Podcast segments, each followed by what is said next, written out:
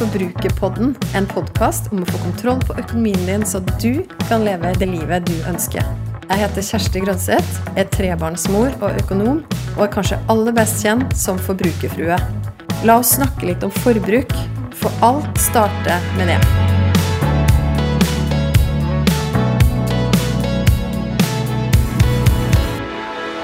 Kjære, kjære lytter av Forbrukerpodden. Velkommen til den siste episoden av podkasten min på en god stund. Hva er en god stund? Hva betyr det konkret?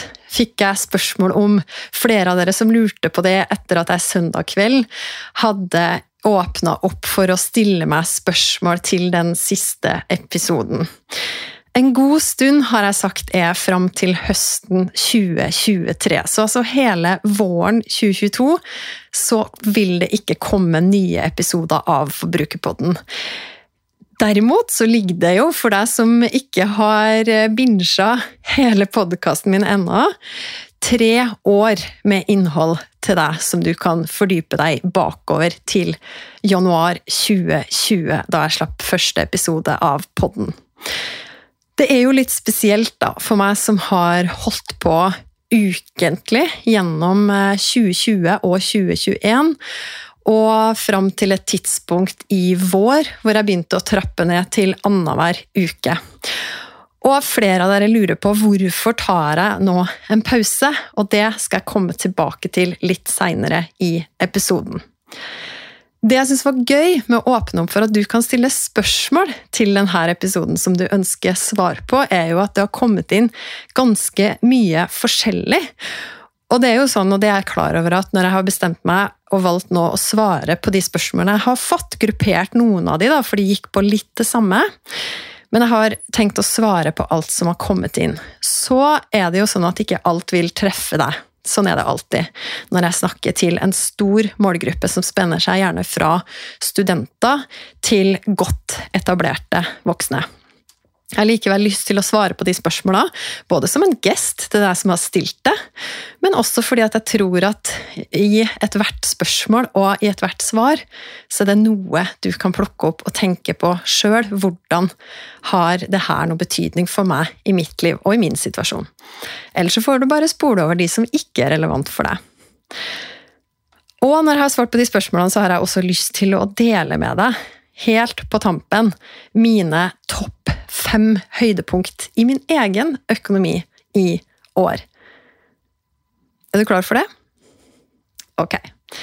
Da kjører vi i gang med litt spørsmål og svar først. Og de to første temaene som jeg skal berøre, det går da til de av dere som er eh, litt yngre enn meg, og kanskje av de yngste som hører på Forbrukerpodden også.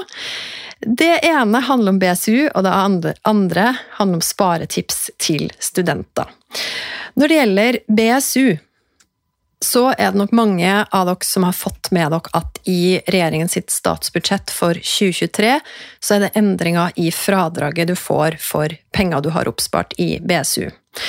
Nærmere bestemt så er det en halvering av skattefradraget fra 20% som har vært til og med i år, til 10 det betyr at du får da 10% igjen, og ikke 20% igjen på skatten av det du har spart i BSU.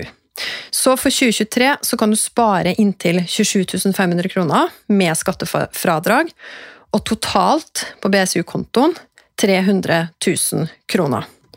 Og det konkrete spørsmålet jeg fikk i innboksen, var fra en person som har kjøpt leilighet uten å bruke av BSU-pengene til selve leilighetskjøpet, og som nå lurer på hva vedkommende skal gjøre med BSU-pengene. Og det er jo sånn at når du har kjøpt egen bolig, og eier den helt eller delvis ved da siste dagen i året, så mister du retten til skattefradraget det året. Så fra du har kjøpt bolig, så er det ikke noe vits å beholde en BSU-konto for å få skattefradrag.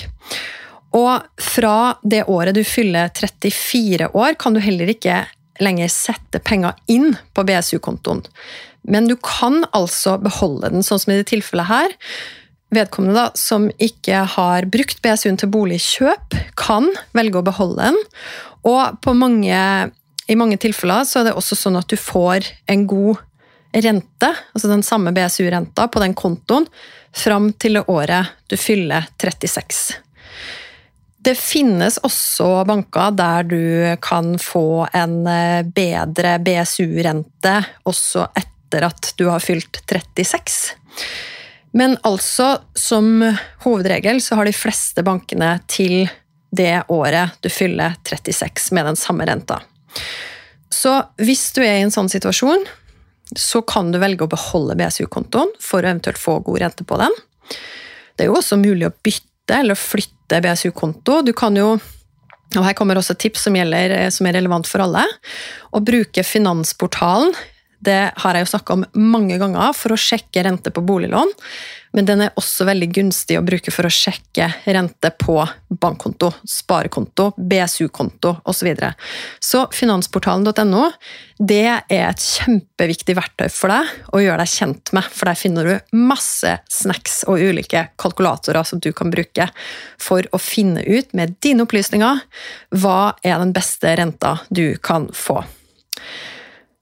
Så, hvis, men så er det jo viktig med BSU-kontoen at den skal jo brukes til boligformål. Så det kan jo hende at du eh, ønsker å bruke den til å betale ned lån. Eller hvis du har planlagt eh, oppussing, oppgradering av boligen, så er jo også det formål som du kan bruke BSU-pengene til. Hvis du skal betale ned lån med BSU-kontoen, det gjorde jeg jo sjøl på et tidspunkt. Og det er en del år siden nå, og da følte jeg meg veldig smart som da gjorde det. Og det førte til at eh, vi fikk Da fikk vi jo litt mindre lån, ikke sant? tilsvarende det vi skøyt inn av BSU-en på lånet. Og vi valgte da å ta ut effekten av det i å betale mindre avdrag i måneden. Det vil si at vi beholdt den opprinnelige nedbetalingsplanen. Og så fant jeg jo ut i ettertid, da, leste meg opp litt på temaet noen år seinere, at det er jo egentlig ikke så veldig smart. Jeg tror det var selveste Hallgeir Kvatsheim som hadde en artikkel om det en gang, og kalte det litt sånn gass og brems. At hvis du på den ene sida skøyt inn penger som gjorde at lånet ditt gikk ned, men samtidig ikke gjorde noe med nedbetalingstida, så fører det faktisk til at lånet totalt sett det blir dyrere, fordi at du beholder det over lengre tid enn du ville gjort hvis du hadde beholdt samme beløp å betale i måneden, men reduserte nedbetalingstida. Så viktig budskap der, hvis du skal betale ned ekstra på lån, enten med BSU eller andre penger, er å be om nedbet redusert nedbetalingstid med det samme. Ok, så det var den. Og så fikk jeg også et spørsmål om sparetips til studenter. Nå begynner det å bli ganske mange år siden jeg sjøl var student. Men jeg tror da at jeg har med meg noen av de prinsippene som jeg sjøl etablerte da jeg var student, som jeg bruker kanskje litt ubevisst også nå. Det første og det viktigste det høres helt banalt ut, men det gjelder jo i studietida så vel som ellers i livet, også etter at man har fått seg jobb. Ikke lev over evne. Og hva mener jeg med det? Jo, jeg mener at spesielt i studietida, så ja, da er det jo, kanskje sammenligna med hva du vil tjene seinere i livet, litt begrensa hva man får inn på konto. Men likevel så er det jo veldig viktig å etablere de gode vanene. Og ikke nødvendigvis gjøre seg avhengig av et eh, kredittkort, f.eks. Det er jo et eksempel på å leve over evne. Hvis du eh, ja, nå kom jeg på en ting jeg gjorde i studietida, av de not so smart valg som jeg har tatt i min egen økonomi. Og i tillegg, jeg tror jeg har delt det her på Instagram i fjor, eller noe sånt, i tillegg så gjorde jeg jo det her for å imponere en fyr, og det er kanskje den dårligste miksen du kan få. At du skal gjøre noe for å imponere noen med penger som du ikke har. Jeg kjøpte nemlig en altfor dyr sykkel på avbetaling. Så den måtte jeg da betale på hele høsten, og det blei heller ikke noe avkastning på den investeringen, for å si det sånn. Så ikke leve over evne. Tenk å etablere de gode vanene med at du skal planlegge godt og prioritere godt innenfor de pengene som du har. Begynn også gjerne gode sparevaner, selv om du er student. Sett av Det kan være symbolsk, men bare noen hundrelapper i måneden, så har du sagt til deg sjøl at nå begynner jeg egentlig å forberede meg på framtida.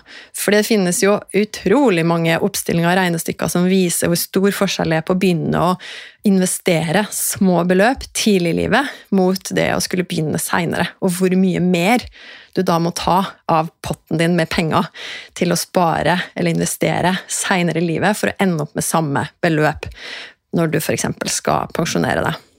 Så begynn gjerne noen gode sparevenner, vaner, men ikke sånn at det går på bekostning av livskvaliteten din heller, da. Fordi man skal jo også kunne nyte studietida og ikke tenke på det med penger hele tida.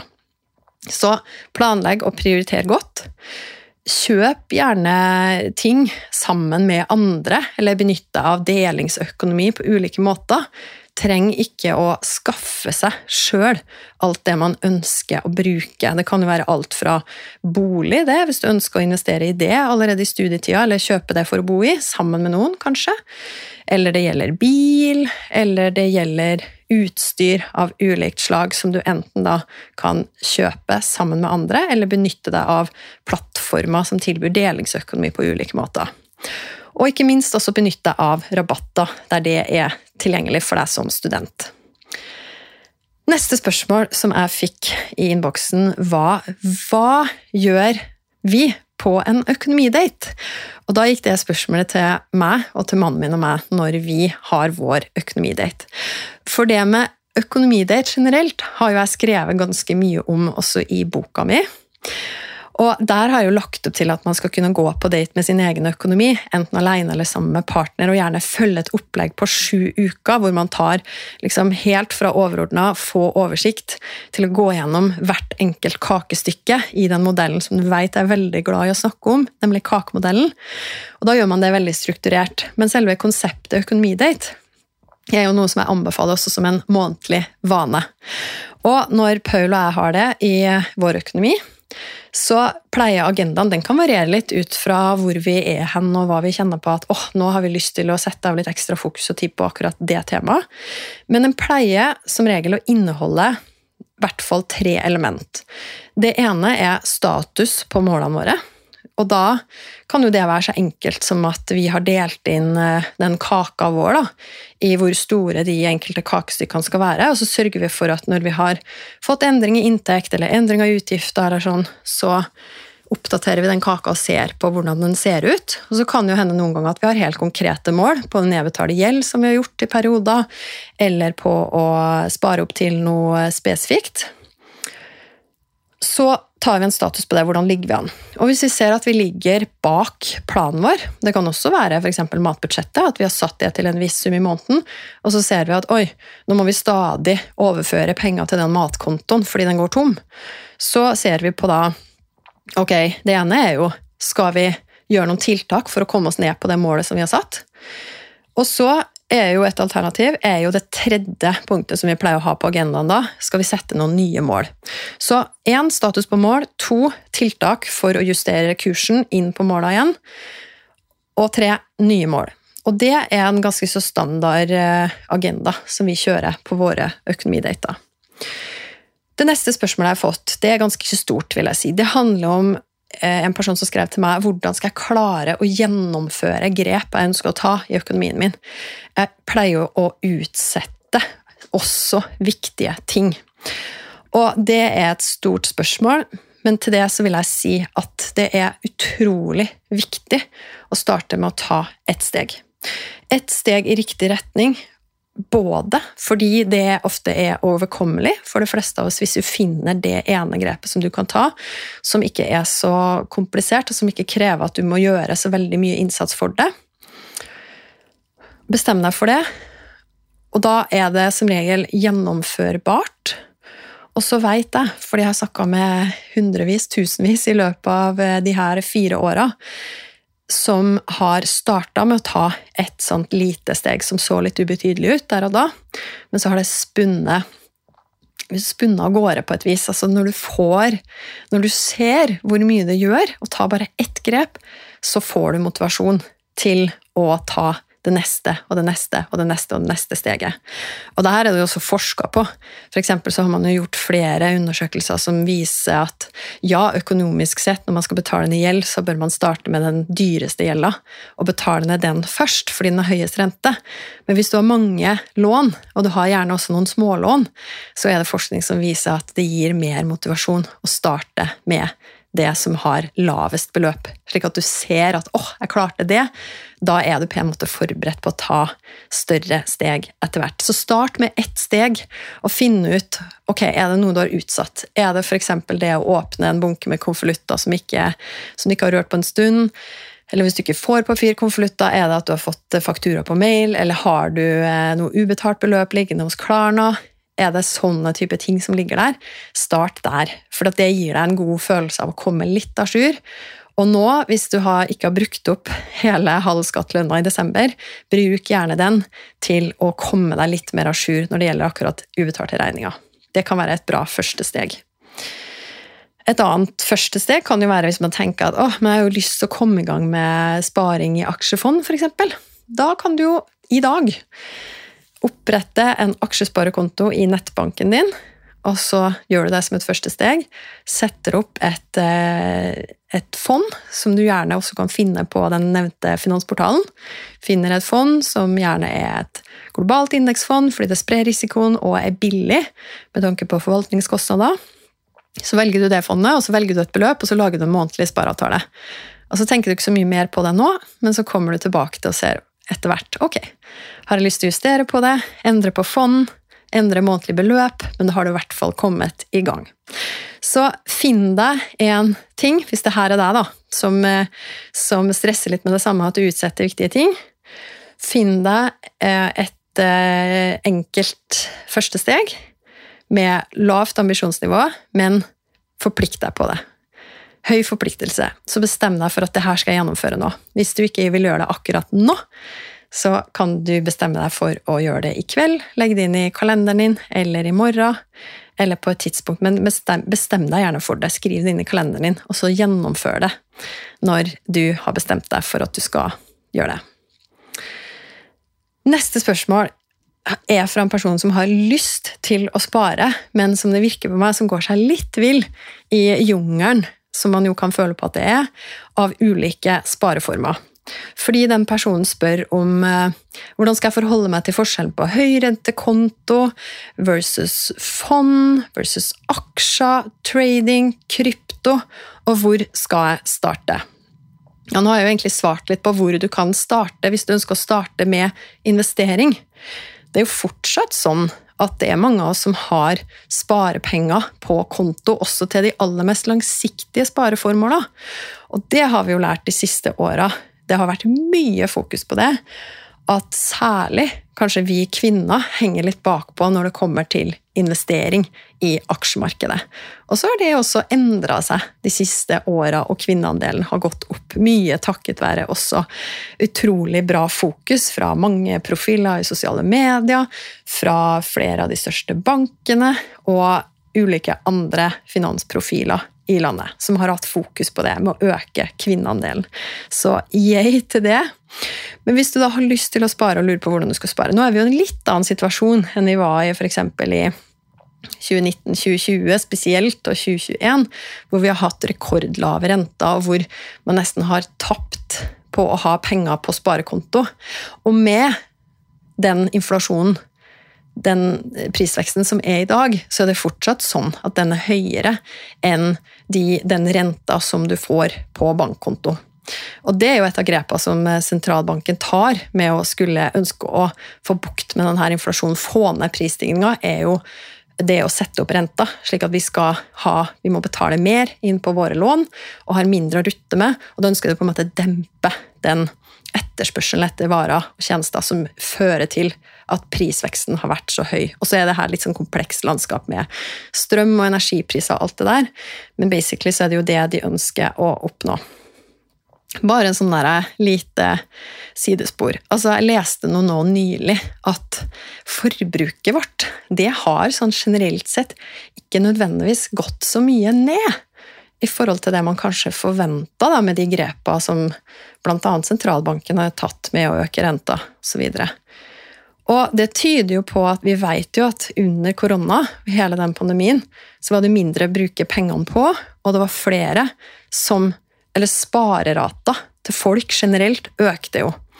Og det det tyder på nå, da, er at vi egentlig sånn generelt som befolkning tar de sparepengene som vi har på konto fra korona, og så har vi brukt de nå.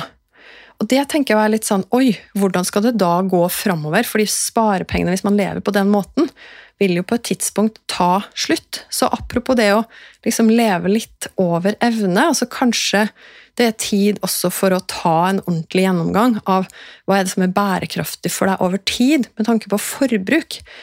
Er det sånn at du finansierer forbruket ditt nå av det du har på sparekonto av oppsparte midler, som du egentlig kunne tenkt deg å brukt på noe litt mer langsiktig enn forbruket, som kanskje er litt mer sånn her og nå? Still deg sjøl de spørsmåla. Men uansett så er det jo sånn at uh, i et uh, hva skal man si, normalår så har uh, en kilde fra Aksje Norge som har sagt at avkastninga i aksjemarkedet ligger vanligvis 3-8% over det du kan få på bankkonto. Så hvis du har lyst til å spare til de aller mest langsiktige sparemåla, som f.eks. pensjon eller barn eller et eller annet som er litt der framme, da er det jo i hvert fall historisk sett vært lønnsomt å investere i aksjemarkedet framfor det å ha penger stående på konto. Så er det jo sånn, det sier man jo alltid, at historisk avkastning ikke er noen garanti for framtidig avkastning. Men hvis du ønsker å ta utgangspunkt i historikken, så tilsier i hvert fall den at på den aller mest langsiktige sparingen så kan det være lurt å plassere pengene i aksjemarkedet framfor å ha de på konto. Men så er det jo flere nyanser her også. ikke sant? Er det bufferkonto det er snakk om, så vet du jo at jeg pleier å si at den skal være tilgjengelig på sparekonto, sånn at du kan ta ut den når du vil. Den skal ikke investeres i aksjemarkedet. Det er altfor risky, for plutselig trenger du de pengene, og da må de være tilgjengelige for deg. Du kan igjen, for å sammenligne hvis du skal plassere penger på en bufferkonto, bruke Finansportalen til å sammenligne ulike renter på sparekontoer. Du kan, velge, du kan, jo velge bindingstid hvis det er et sparemål som du har, som er litt eh, fram i tid, som ikke er buffer. Så kan du jo få en ganske god rente på det. Det kan du sjekke ut på Finansportalen. Eller så er det jo det å sjekke ut ulike aksjefond, som jeg var inne på i sted, også på Finansportalen, og så rett og slett komme i gang. Når det gjelder spørsmålet om fond versus aksjer, trading og krypto, så vil jeg si at det er en litt annen sak. Og det var jo veldig mange av oss nordmenn som igjen i løpet av korona ble interessert i aksjemarkedet. Og mange har begynt å investere, ikke bare i fond, men også i enkeltaksjer. Og på et tidspunkt så fikk jeg en liksom oppfatning av at noen tenkte at de hadde runda eh, personlig økonomi i gamet litt hvis de hadde begynt å investere i aksjefond og, og, var liksom klare for neste steg. Og det må jo da være aksjer eller noe trading eller krypto, som ble nevnt her, f.eks. Og da er jo det jeg ofte pleier å si til det, er jo at eh, ja, hvis du er interessert og syns det er spennende med ulike bransjer, eller å følge spesifikke selskap, eller sånn, så er det jo kjempegøy å koble den interessen også på noe som kan gi deg avkastning igjen, og også ganske mye på kort sikt. Fordi hvis du investerer i aksjer, så handler jo det om at du med mindre du da setter sammen en portefølje av aksjer sjøl, sånn at du nesten lager deg som litt sånn ditt eget fond, så blir jo det litt det samme, men det krever også veldig mye kunnskap hvis du skal forvalte det sjøl og kjøpe og selge innenfor det fondet. Og det andre alternativet er jo å kjøpe enkeltaksjer. Hvis du er interessert i spesifikke bransjer eller selskap, så er det jo kjempespennende å følge med og sette deg inn i ting. Og mange har jo fått utrolig mye kunnskap og bruke den. Og det blir jo nesten som, som et eh, Altså, man kan la det gå litt sport i det, ikke sant? Men det er jo ikke noe sånn at alle må komme dit. Det er jo litt sånn med alle andre interesser i livet. At eh, vi har jo ikke de samme interessene, og det er ikke noe sånn at du må nødvendigvis gå til noe slags personlig økonomi 2.0, at det betyr at du må investere i aksjer. Nei. Det er en helt fin strategi for investering å velge å investere i aksjefond langsiktig. Nesten som om du på en måte putter inn de pengene i den månedlige avtalen, og så bare ser du ikke på de fondene før om veldig mange år, når du har tenkt å bruke de pengene. Det er en helt legitim strategi. Men hvis du syns det er spennende, så kan det jo hende at det med aksjekjøp og, og, trading, bare for å ta det som begrep, det går jo ut på at du aktivt handler f.eks. aksjer, eller det kan være valuta, eller, eller krypto, som også kommer til. Og, og, det kan være veldig lønnsomt, fordi at hvis du er flink, så kan du oppnå ganske betydelige avkastninger på kort sikt.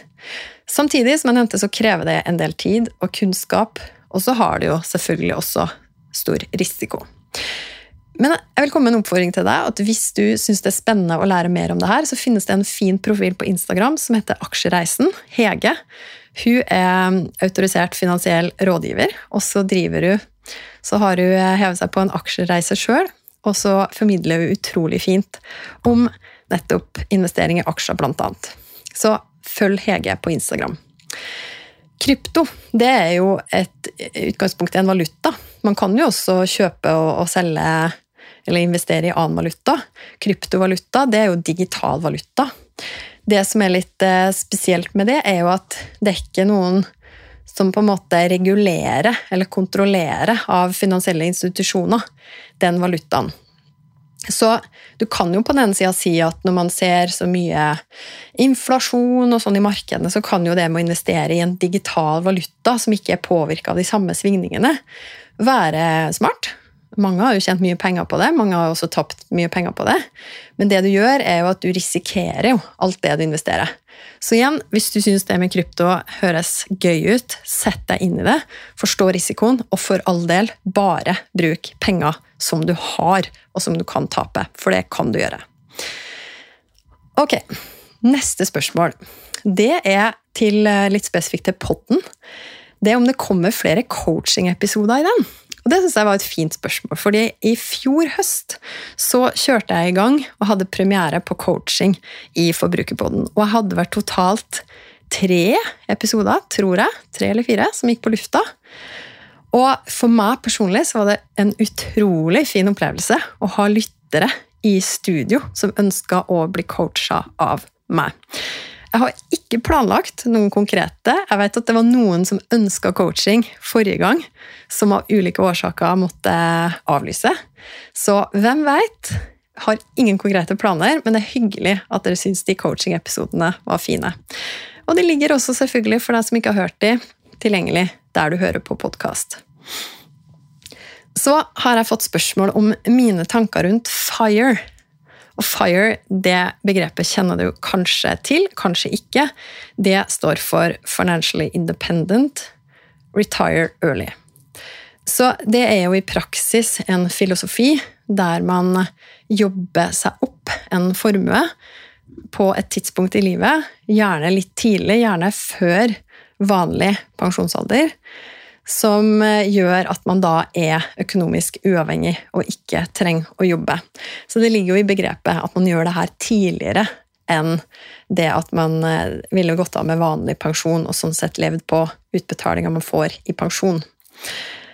Og hva tenker jeg egentlig om FIRE? Altså Jeg vet jo at det finnes forbrukerøkonomer som er ganske skeptiske og negative til FIRE, av den grunn at um, hvis alle skulle tenkt sånn, at man la inn en innsats tidlig, og gjerne også skaffa seg noen gjentagende inntekter som man kunne leve av, som gjorde at man kunne slutte i en ordinær jobb osv. Så, så kan man jo på denne sida si at uh, vi trenger jo folk i arbeid med tanke på framtidig verdiskapning. Det er jo det staten vår eh, får skatt av når vi eh, jobber betale inntektsskatt. Så sånn sett kan man jo si at eh, vi gjerne vil ha folk i arbeid. Samtidig så kjenner jo jeg at denne tanken bak filosofien FIRE, altså den friheten til sjøl å kunne velge For meg så er det jo det er noe appellerende med det, og jeg forstår folk som, eh, som kikker veldig på tanken. Og det gir jo absolutt mest mening hvis du er i 20-30-åra og begynner da å få et bevisst forhold til en høy sparerate, for det er det du må ha. Du er nødt til å, å, å tjene penger, og så må du sette av mye av det på tilsparing og investering. Slik at, og det her kan man jo regne på. Det er en enkel regneregel som sier at eh, hvis du ganger ditt årlige forbruk, det du bruker penger på i løpet av et år, med 25, så vil du kunne finne ut hvor mye penger du trenger å ha for å kalle deg økonomisk uavhengig. Og det som ligger til grunn for det, hvorfor akkurat 25, er jo eh, noen studier som har funnet ut at hvis du har spart opp til et beløp og bruke 4% av det beløpet hvert år, så vil du på en måte aldri gå tom. Det handler jo om hvor du har investert det beløpet osv.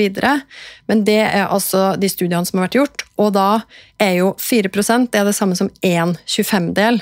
Så hvis du ganger da det du trenger på et år med 25, så finner du ut hvor mye du trenger å ha den dagen du skal slutte å jobbe for å ta ut 4% av det, sånn at du i teorien i hvert fall aldri går tom på den kontoen din. Ok, Så det var en eh, liten sånn sidetrack på den. Spørsmålet var jo hva jeg mener sjøl om FIRE. Og som jeg nevnte, jeg, synes, jeg forstår veldig godt den friheten til å velge.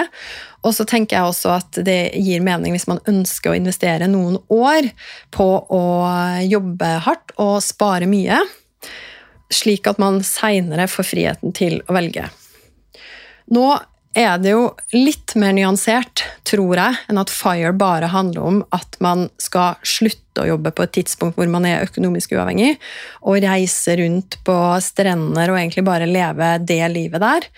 Jeg tror jo det som er veldig positivt med det, hvis man har en sånn tankegang For det første så lærer man seg jo verdien av å kunne jobbe for noe, jobbe mot et mål. Og, og, i tillegg den biten som går på at du skal investere mye av det du jobber. Og, eller den andre sida, at du ser at du faktisk klarer deg med ganske lite. Altså det er jo den andre, andre positive sida av det. at hvis du, hvis du, bestemmer deg først da, for å investere mye, slik at du har igjen en eh, mer begrensa sum og må klare deg på den, da tror jeg at du skal bygge noen, at du kommer til å bygge noen veldig gode vaner også som viser deg at ja, men jeg trenger kanskje ikke så mye. Kanskje var det det at du satte deg et mål som la en begrensning på deg sjøl med tanke på forbruk, gjorde at du klar, innså at du klarte deg på mindre.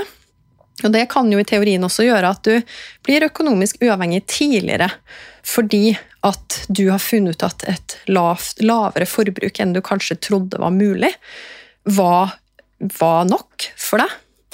Og her må jeg jo si at jeg syns at uh, Lise Wermelid Christoffersen, som jeg også har nevnt tidligere i podkasten min i, uh, Du kan spole tilbake til en episode fra oktober 2020, så får du høre historien om hvordan uh, det var for meg da Lise og jeg i utgangspunktet var de to profilene i sosiale medier som begynte å snakke om personlig økonomi på samme tid. Så der har du litt snacks hvis du har lyst til å gå inn på den episoden. En relativt ærlig episode fra meg. Men jeg syns jo Lise sin reise, som starta nettopp med sparing og investering veldig tidlig, er et veldig godt eksempel også på hvordan man har satt seg det som et konkret mål. Å jobbe mot å skulle bli økonomisk uavhengig. Og lært noen utrolig gode vaner som hun også formidler på en fin måte underveis på den reisen. Jeg vet at veldig mange av dere som hører på Forbrukerpodden, også hører på podkasten hennes Pengesnakk. Derfor så er dere helt sikkert kjent med Lise. Hvis ikke, så er jo det en podkastanbefaling som du kan ta med deg nå når Forbrukerpodden skal ha pause. Neste spørsmål jeg fikk, hvor mye skal man egentlig ha i buffer? Og der pleier jeg å si at det er ett råd jeg gir uansett livssituasjon, og det er en krisebuffer på 10 000. Det mener jeg at er lurt for alle å ha. Det er et kortsiktig sparemål. For mange så kan jo det føles, hvis du har null i dag, og det egentlig bare går så vidt rundt, så kan du tenke litt sånn hvordan i alle dager skal jeg da få tak i 10 000? Det er mye penger. Men da vil jeg at du skal tenke gjennom å lage en god plan for deg sjøl på hva du kan spare opp, hva du kan selge, hva du kan spare av ekstra inntekter du får inn f.eks. nå i desember, om du har noe ekstra til overs etter at du har kjøpt det du skal kose deg med i jula, og gaver osv. Har du noe du kan sette av til en krisebuffer? Og så, når den krisebufferen er på plass, så er det viktig at du prioriterer å betale ned kredittkortgjeld og forbrukslån hvis du har det. Så det er litt sånn obligatorisk rekkefølge. Og når du har gjort det, så er jo du der at du kan begynne å bygge deg opp det jeg kaller en superbuffer. Og det typiske du hører, det er to til tre månedslønner. Det her skrev jeg også om i, i boka mi, at uh, Statistisk sentralbyrå de undersøkte folk generelt sin buffer under pandemien, og mente da at de med seks måneders inntekt eller mer på konto står sterkt i møte med krisetider. Så har jeg kommet med min anbefaling, som er tre måneders levekostnader om du er i et forhold og har barn og eier typisk bolig og bil. Én til tre måneders levekostnader om du ikke har barn, men eier bolig og bil, eller om du leier og er alene med barn og tre til seks måneders levekostnader hvis du eier bolig og bil og er aleneforsørger, eller hvis du har stor usikkerhet rundt inntekt eller andre faktorer.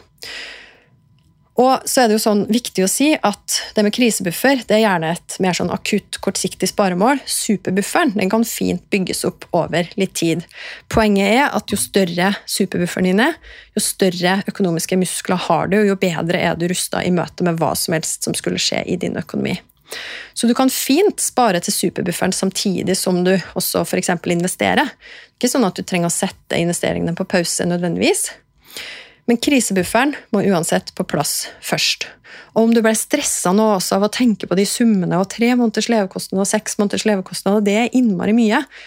Sett deg heller et litt mer langsiktig sparemål, og se hvordan det påvirker deg, nattesøvnen din og din egen mentale helse når du ser at du klarer å bygge opp den bufferen Kanskje sakte, men sikkert over tid.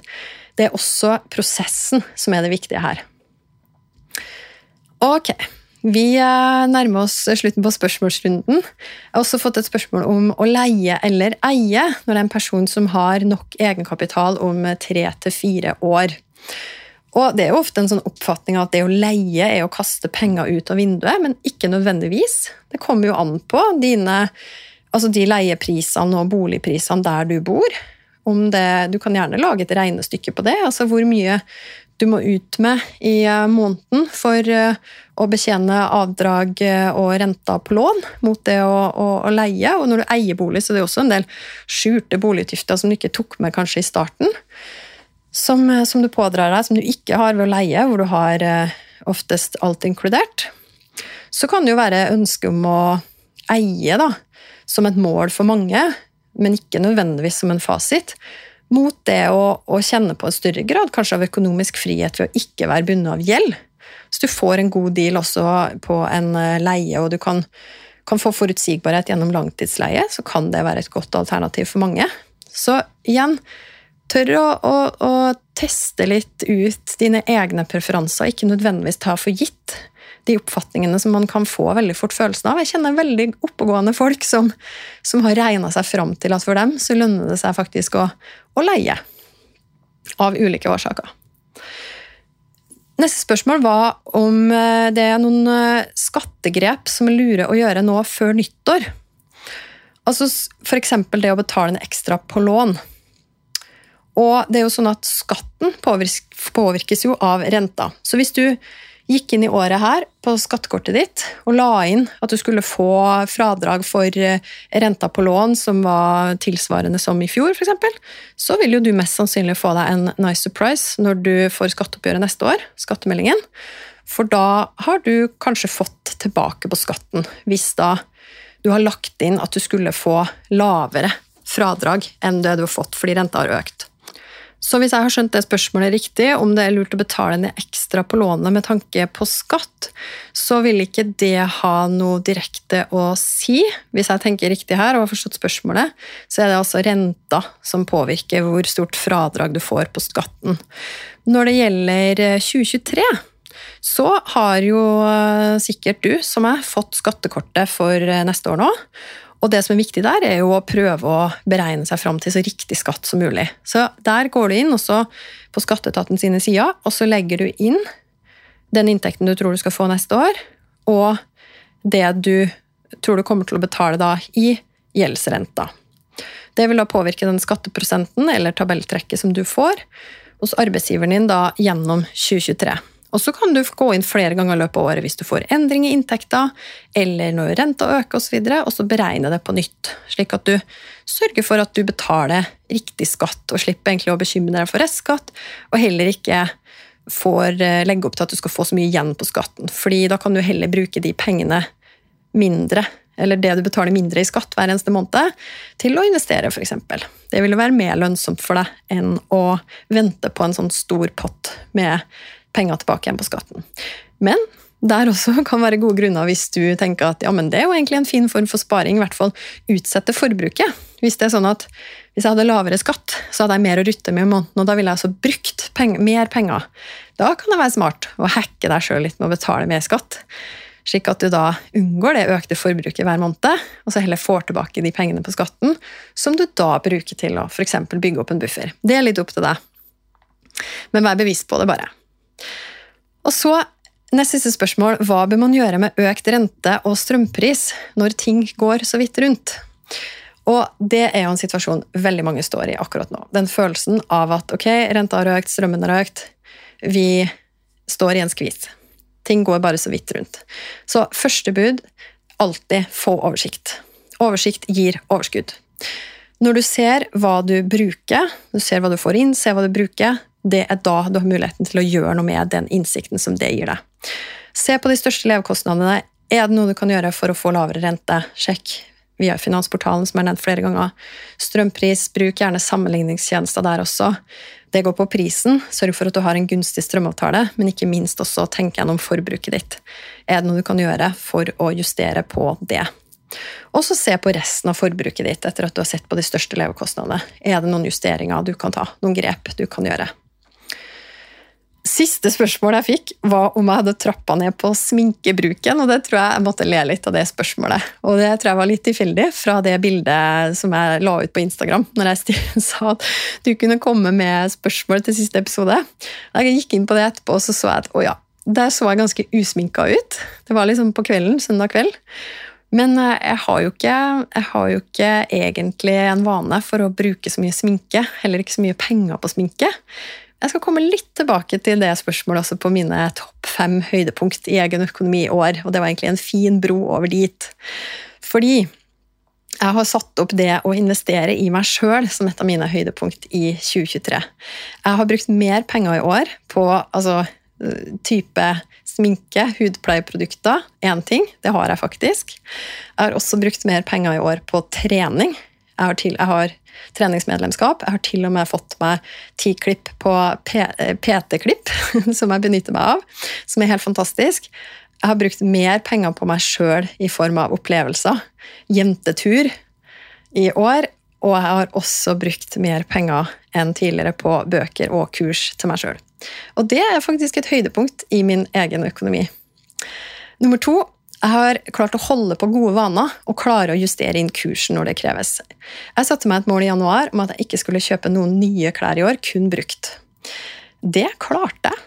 Det klarte jeg. Det tror jeg jeg skal legge ut litt mer informasjon om på Instagram, for der var det vel en, en tredjedel sånn av av følgerne der som ikke helt trodde at jeg hadde klart det. Så det skal jeg brette ut litt mer detaljer på der. Og så har vi eh, klart å komme oss tilbake på sporet av ukeshandling. Jeg har også opprettholdt vanen om å ha strømkonto, og har, eh, som jeg syns sjøl, blitt ganske rå på å forhandle på eh, priser som rente, strøm og også andre faste utgifter, og finner stadig nye argument som kan brukes. Nummer tre, høydepunkt for meg, er at både mannen min og jeg har fått økt lønn i år uten at vi relativt sett har økt forbruket tilsvarende. Det vil si at prosentvis har forbruket vårt gått ned, så vi har ikke falt for fristelsen av å benytte anledningen som økt inntekt gir, til å øke så voldsomt på forbruket vårt. Det har økt litt i absolutte tall. Det ble veldig sånn uh, matematisk språk her, kjente jeg. Men det er viktig for oss å holde et visst nivå på forbruket, og ikke være frista til å øke det når lønna vår øker. Nummer fire jeg har fortsatt med å regne på noen økonomiske scenarioer med enkle verktøy. Hva skjer på månedlig basis for oss når renta øker? Hva skjer når vi får en endring av inntekt? Legger det inn og også simulere litt sånn framtidsscenario. Hva skjer hvis sånn og sånn? I enkle verktøy. Hvis du vil vite mer om det, ta gjerne kontakt med meg. Og så et siste topp fem høydepunkt er økonomidaten vi hadde i november, mannen min og jeg, da vi satte konkrete mål på drømmesparingen vår og på det å gi. Så fra januar 2023 så har vi satt oss et nytt økt, økt mål i prosent, faktisk, på hva vi ønsker å gi. Yes! Det var mine topp fem, og vi går straks inn for landing av denne siste episoden. Jeg kjenner at jeg har kost meg veldig med å svare på spørsmål, og jeg kost meg veldig med å dele og reflektere tilbake på mine egne høydepunkt. Og så var det det med den pausen, hvorfor jeg nå tar en pause. Det handler rett og slett om at jeg trenger å prioritere min egen kapasitet. Jeg har hatt relativt mange baller i lufta de siste fire åra, og nå er det da en, en av konsekvensene av det at jeg setter podden litt på pause. Men du kommer til å høre mer fra meg. Det skal jeg love deg. Og den beste måten å være i loopen hos meg på, er å melde deg på nyhetsbrevet mitt som kommer hver torsdag, som heter Rene ord for penger. Som er en 60 sekunders speeddate med meg. Og hvis du går inn på nyhetsbrev.kjerstigronseth.no, så kan du melde deg på der, og så holder vi kontakten. Og send meg gjerne en melding på Instagram eller en mail når du har hørt på denne episoden, hva du syns om at jeg nå tar en pause, hva du syns om denne episoden, og ellers generelt det du tenker på, du som har hørt på Forbrukerpodden nå i tre år. Hva du reflekterer over, hva du har fått ut av å høre på den i de åra. Det vil jeg veldig gjerne høre. Og så ønsker jeg deg en riktig god jul, fylt av fred og fylt av glede. Jeg vil gjerne vite hva du tenker etter å ha hørt episoden. Så koble med meg på Instagram. Der finner du meg som forbrukerfrue. Send meg en melding. Tagg meg gjerne i Story og del episoden her hvis du likte den. Eller send meg spørsmål. Og husk å abonnere på podkasten Forbrukerpodden, så får du beskjed hver gang det kommer en ny episode. Vi høres!